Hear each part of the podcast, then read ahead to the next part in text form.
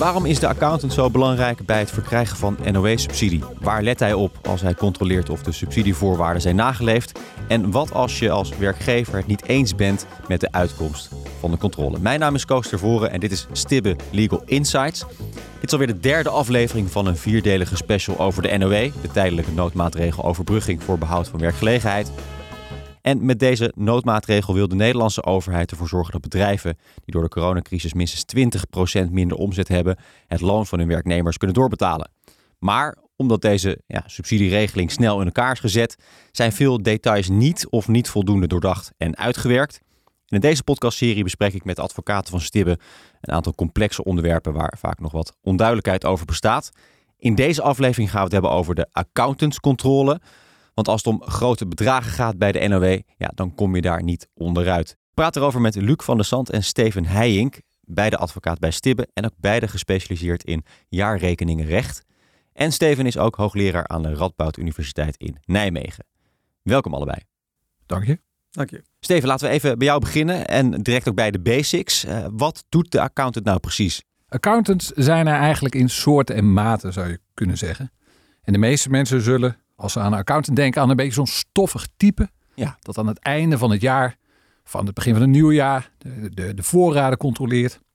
De boeken nagaat, administratie controleert. En dan uh, op die manier nagaat of de jaarrekening of een ander financieel document van de onderneming, of dat wel klopt. Ja, de meeste mensen denken dat. Klopt dat ook?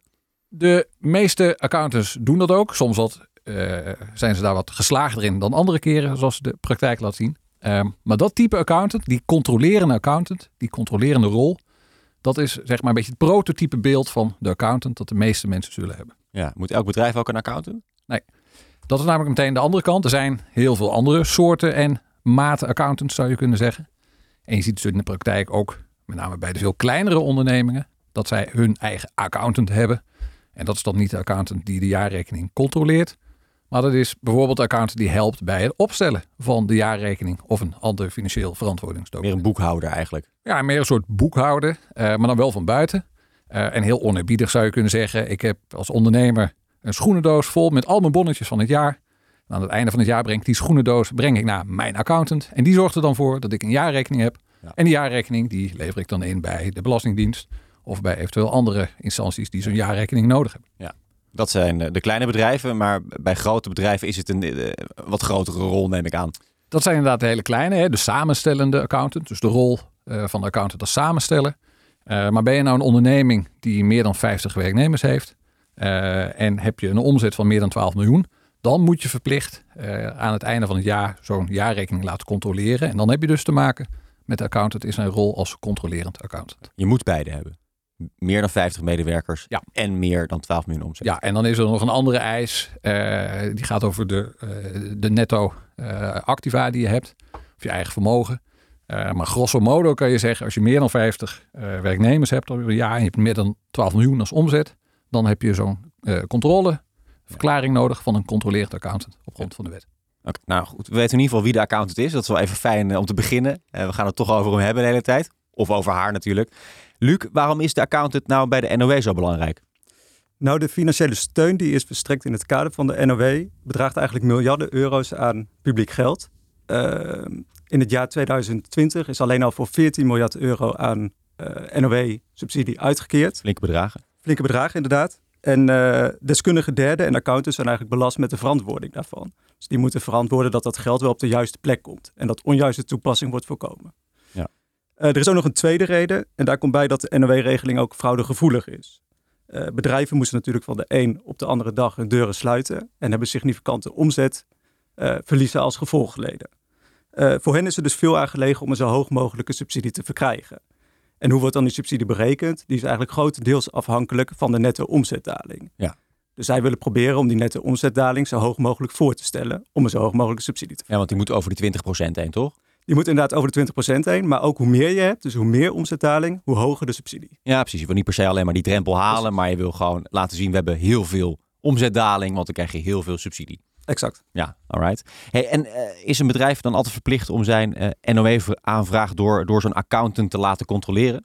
Nee, een, een uh, accountantscontrole is in het kader van de NOW niet altijd verplicht. Het hangt grotendeels af van de hoogte van de subsidie die wordt verkregen door een onderneming.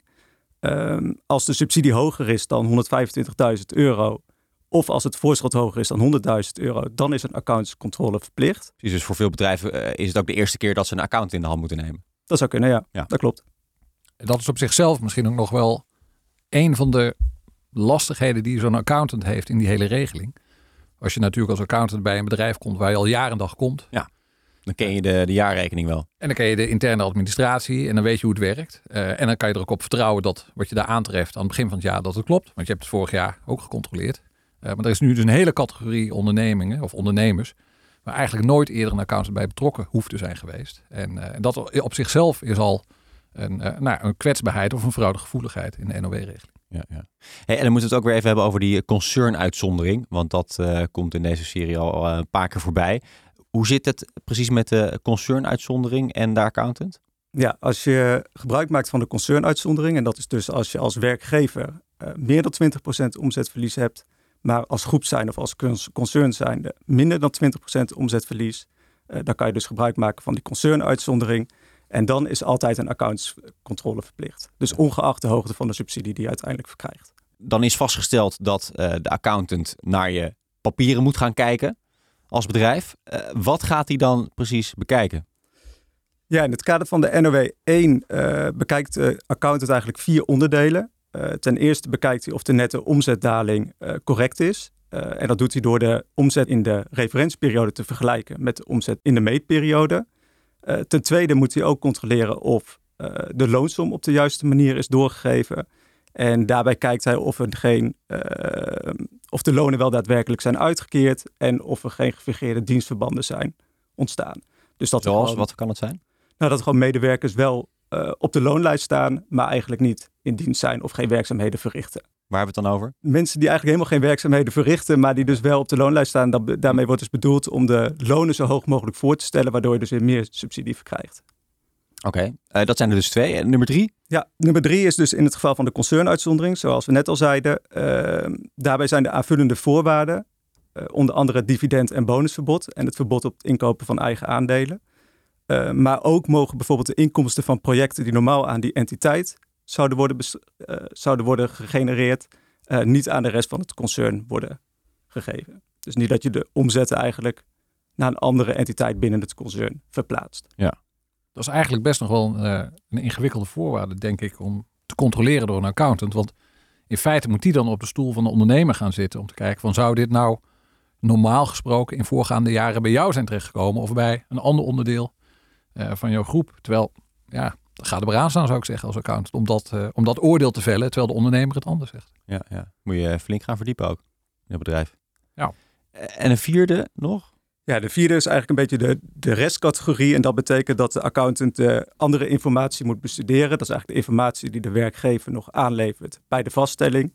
En dan moet hij controleren of er niet aanvullende werkzaamheden verricht moeten worden nog. En dat gaat dus door de NOW 1. Daarvoor zijn er vier uh, voorwaarden of vier dingen die de accountant moet toetsen. Bij NOW 2 en 3 komt daar nog een vijfde onderdeel bij. Uh, en dat is eigenlijk een brede dividendverbod en een breder bonusverbod. Uh, want dat geldt dan niet alleen voor de concernuitzondering, maar ook voor ja, als je gebruik maakt van de reguliere regeling. Ja, dus de accountant gaat dan kijken, zijn die, zijn die dividenden daadwerkelijk niet uitgekeerd en de bonussen daadwerkelijk niet uitgekeerd? Exact, ja. ja. Oké. Okay. Hey, en um, die NOW-regeling, die uh, is misschien een beetje fraudegevoelig, zoals je al zei, uh, Luc. Uh, ja, waar gaat de accountant dan speciaal naar kijken om, om, om eigenlijk die fraude te voorkomen? Ja, de accountant zou voor namelijk kijken naar de nette omzetdaling, de procentuele nette omzetdaling. die wordt dus berekend door de nette omzet in de referentieperiode te vergelijken met de nette omzet in de meetperiode. en de nette omzet in de referentieperiode wordt dan berekend door de nette omzet over 2019 te delen door vier. Dus dat je eigenlijk gemiddelde hebt van drie maanden aan nette omzet. Mm-hmm. En de nette omzet in de meetperiode, dat is de nette omzet die je behaalt in drie aan één gesloten maanden in 2020. Dus ja. bijvoorbeeld april, mei en juni. Maar wat kan eraan gefraudeerd worden dan? Ehm, het gaat dus om de procentuele omzetdaling. En wat eraan gefraudeerd kan worden, is dat bijvoorbeeld de omzetdaling in de meetperiode lager voorgesteld kan worden dan in werkelijkheid het geval is. Dus een bedrijf gaat bijvoorbeeld de omzet, zoals we net ook zeiden, naar een andere entiteit binnen het concern verplaatsen. Waardoor de omzet van de aanvragende entiteit bijvoorbeeld lager wordt. En daardoor krijgt u weer hogere subsidie. Ja, ja. Zijn er nog andere manieren waarop uh, gefraudeerd kan worden? Nou, je wordt misschien wel een uh, interessant we willen verder geen tips geven hoor aan, uh, aan de luisteraars, maar toch nou, even goed om op een rijtje te zetten, denk ik. Nou, Koos, wat misschien wel een interessante ontwikkeling is, althans dat had ik zelf eh, kort geleden. Ik heb, ik heb een vast koffietentje, ik zal niet zeggen waar, uh, waar ik eigenlijk geregeld langs uh, loop. Ik wandel ook wat meer tegenwoordig buiten, want dat doet geloof ik iedereen. en sinds een week of drie kan ik daar gewoon niet meer pinnen. Die pinautomaat is daar gewoon continu stuk. Ja, precies. en dan word ik verwezen naar de overkant van de straat om daar bij de bank te pinnen, om dan cash te betalen. En de eerste twee keer vond ik dat niet gek, maar op een gegeven moment bedacht ik mij, het is toch wel interessant. Want als je nou omzet, nou ja, anders wilt voordoen, is een manier om die omzet gewoon niet in de boeken terecht te laten komen, is die, om, die omzet nou ja, erbuiten te houden, lees, uh, om het cash uh, aan te houden. Nou, dat zijn, dat zijn nou typisch dingen waar die accountant dan uh, op zou moeten letten. En tegelijkertijd, als je voor het eerst ergens komt, ja, als jij jaar in jaar uit weet wat de omzet is van een koffietentje, en je ziet meestal een enorme daling in de boeken, ja, dan gaat wel een lampje branden. Maar als je ergens voor het eerst komt, en je moet daar een inschatting van maken. Ja, dat is iets waar een accountant dan niet zomaar zijn vinger achter kan krijgen. Nou, dan zou je nog kunnen zeggen, dan kijkt hij ook wel naar hè, de voorraad koffiebekers en de voorraad koffiebonen. En daar zit wel een bepaald verband tussen. Uh, maar goed, ook daarvoor geldt natuurlijk weer, ja, als jij bij je groothandel daar ook het op een deeltje hebt kunnen sluiten om dat buiten de boeken om te doen, dan zijn dat dus nou, typisch nou, fraude risico-indicatoren waar zo'n accountant naar moet kijken. Van, ja, is die omzet uh, is die boekhouding is die eigenlijk wel compleet? Zit eigenlijk alle omzetten wel in? Heb ik nou bepaalde indicatoren waar ik naar kan kijken om te toetsen of wat hier als omzet wordt voorgespiegeld, of dat ook wel daadwerkelijk de omzet is? Of dat het eigenlijk niet een stuk hoger had moeten zijn, maar dat een deel gewoon niet uh, in de administratie terug te vinden is, omdat het onder de toonbank is gegaan.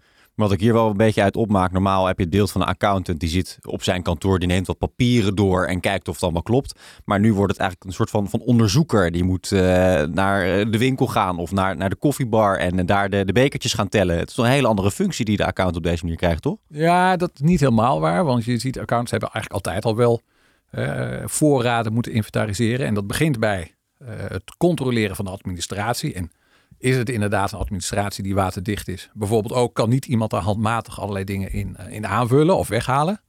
Uh, tegelijkertijd is ook een controlemaatregel letterlijk nou, auto stellen in de sneeuw. Hè? Als je bij een auto-importeur zit, dan ga je gewoon op een gegeven moment zeggen van nou, ik ga gewoon de parkeerterrein eens op en eens kijken hoeveel auto's er dan staan. Dus dat zat er echt altijd al wel in. Uh, maar je ziet zeker bij dit type beoordelingen zal dat misschien ook wel moeten. Waarbij je tegelijkertijd wel weer het praktisch lastige hebt van ja, maar als ik nou eigenlijk naar de klant toe moet, uh, maar om coronaredenen kon ik er niet fysiek zijn, of kon er niet lang zijn, of kon er niet genoeg mensen naartoe sturen. Ja, hoe ga ik dan controleren of nou ja, wat daar fysiek had moeten zijn, of dat er dan ook daadwerkelijk is? Hoe ga ik die fysieke goederenstroom, hoe ga ik die dan nog kunnen controleren? Dat is, dat is wel een uitdaging. Maar is het een veel voorkomend iets? Lijkt me een vrij extreem fraudegeval, toch? Ik kan me ook voorstellen dat, je, dat, dat, dat bepaalde bedrijven het wat slimmer aanpakken. Zeggen, nou, een bepaalde levering stellen we uit. Hè, die laten we niet uh, in die uh, meetperiode vallen, maar net daarna. Dat, dat lijkt me iets meer voor de hand liggend, toch? Ja, kijk, mijn arme koffiemannetje, die heeft waarschijnlijk gewoon echt een pinautomaat die het niet doet. Maar het zou kunnen, en dit is hey, op de kleine schaal. Ongetwijfeld zullen er geraffineerdere wijzen zijn, waardoor je bepaalde omzet ofwel kan verleggen eh, ofwel buiten de boek kan houden. En aan de account de taak om dat er toch proberen uit te pikken in het kader van deze NOW-regeling. Ja, ja, maar eigenlijk moet je het gewoon niet willen, toch? Dit soort dingen moet je niet willen doen. Zeker niet. Nee, nee heel goed. Laten we dat wel eventjes duidelijk maken. hey, uh, en Luc, en, uh, stel dat de accountant uh, ziet dat het toch niet helemaal klopt. Wat zijn dan de consequenties? Ja, als de accountant geen voldoende of geschikte informatie heeft verkregen dat bijvoorbeeld die nette omzetdaling juist is of klopt, ehm, dan kan dit gevolgen hebben voor het soort verklaring dat een accountant afgeeft na afloop van zijn onderzoek. Die moet een soort van oordeel geven. Precies, die moet een soort van oordeel geven. En afhankelijk van de opdracht die een accountant uitvoert, die weer afhankelijk is van de hoogte van de subsidie en de vraag of een onderneming controleplichtig is, uh, is dat oordeel ofwel een verklaring afgeven ja of nee. En als de verklaring wel wordt afgegeven, dan krijg je de subsidie conform die verklaring. En als het niet wordt afgegeven, dan krijg je een hielstelling. Dus dan moet je het voorschot dat je hebt ontvangen zelfs terugbetalen. Ja.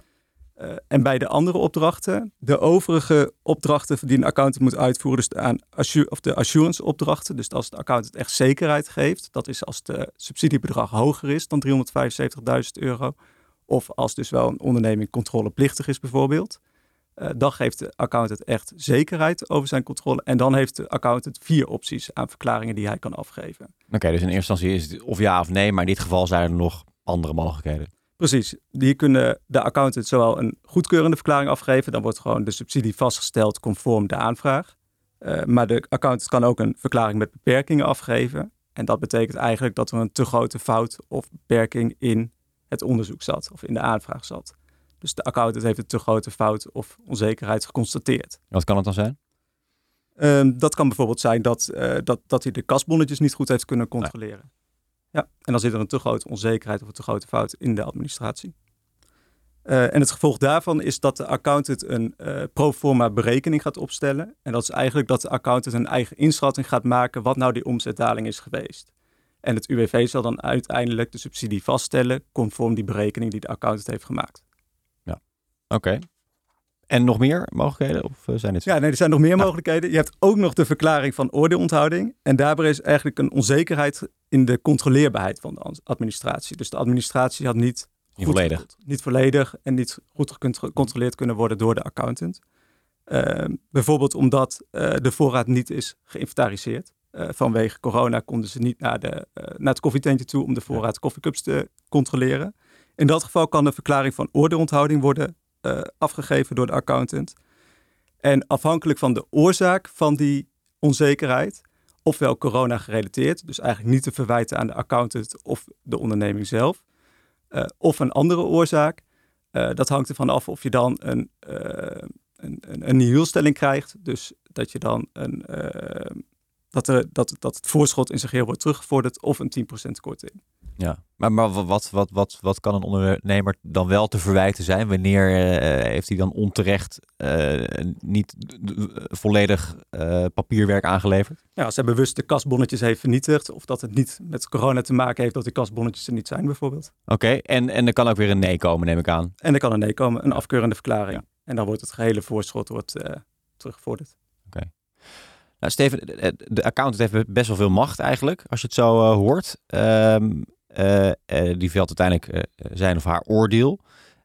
wat kan je vervolgens doen als je het er niet mee eens bent? Eigenlijk ben je te laat. Als eenmaal het proces doorlopen is tussen de werkgever en de accountant, resulterend in een accountantsverklaring. en die accountantsverklaring die ligt er en die, heeft, die is afkeurend. en dat had je eigenlijk niet willen hebben. Uh, dan ben je eigenlijk te laat, omdat je dan niet meer kan bijsturen in dat proces. Dus als je uh, in gesprek bent met die accountant en je krijgt signalen van de accountant dat hij meer informatie wil, dat hij meer bonnetjes wil, dat hij van jou meer gegevens wil krijgen waarop hij een oordeel kan vellen, ja, dan is het meest verstandig om daar zo goed mogelijk mee te werken. Want als eenmaal die verklaring daar ligt, dan gaat die accountant hem niet meer opeens intrekken.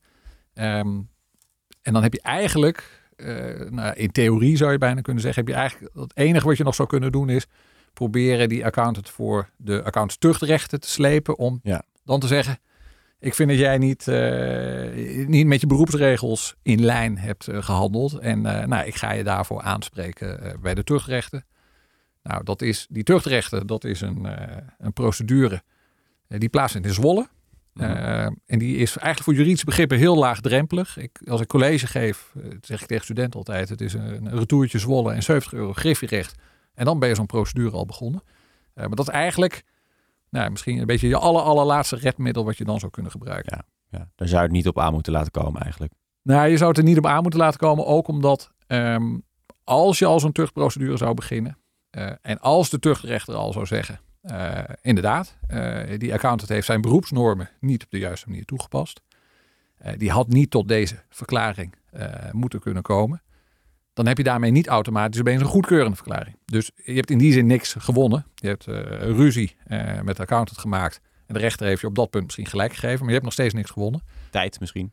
Ja, tijd. Ik denk dat de tijd ook in je nadeel uh, tikt. Hooguit, en zo zie je dat in de praktijk nog wel eens accountant-stugprocedures uh, worden gevoerd. Hooguit kan je dat in de aanloop naar een civielrechtelijke procedure, een procedure om schadevergoeding te krijgen van die accountant, kan je zo'n oordeel inzetten.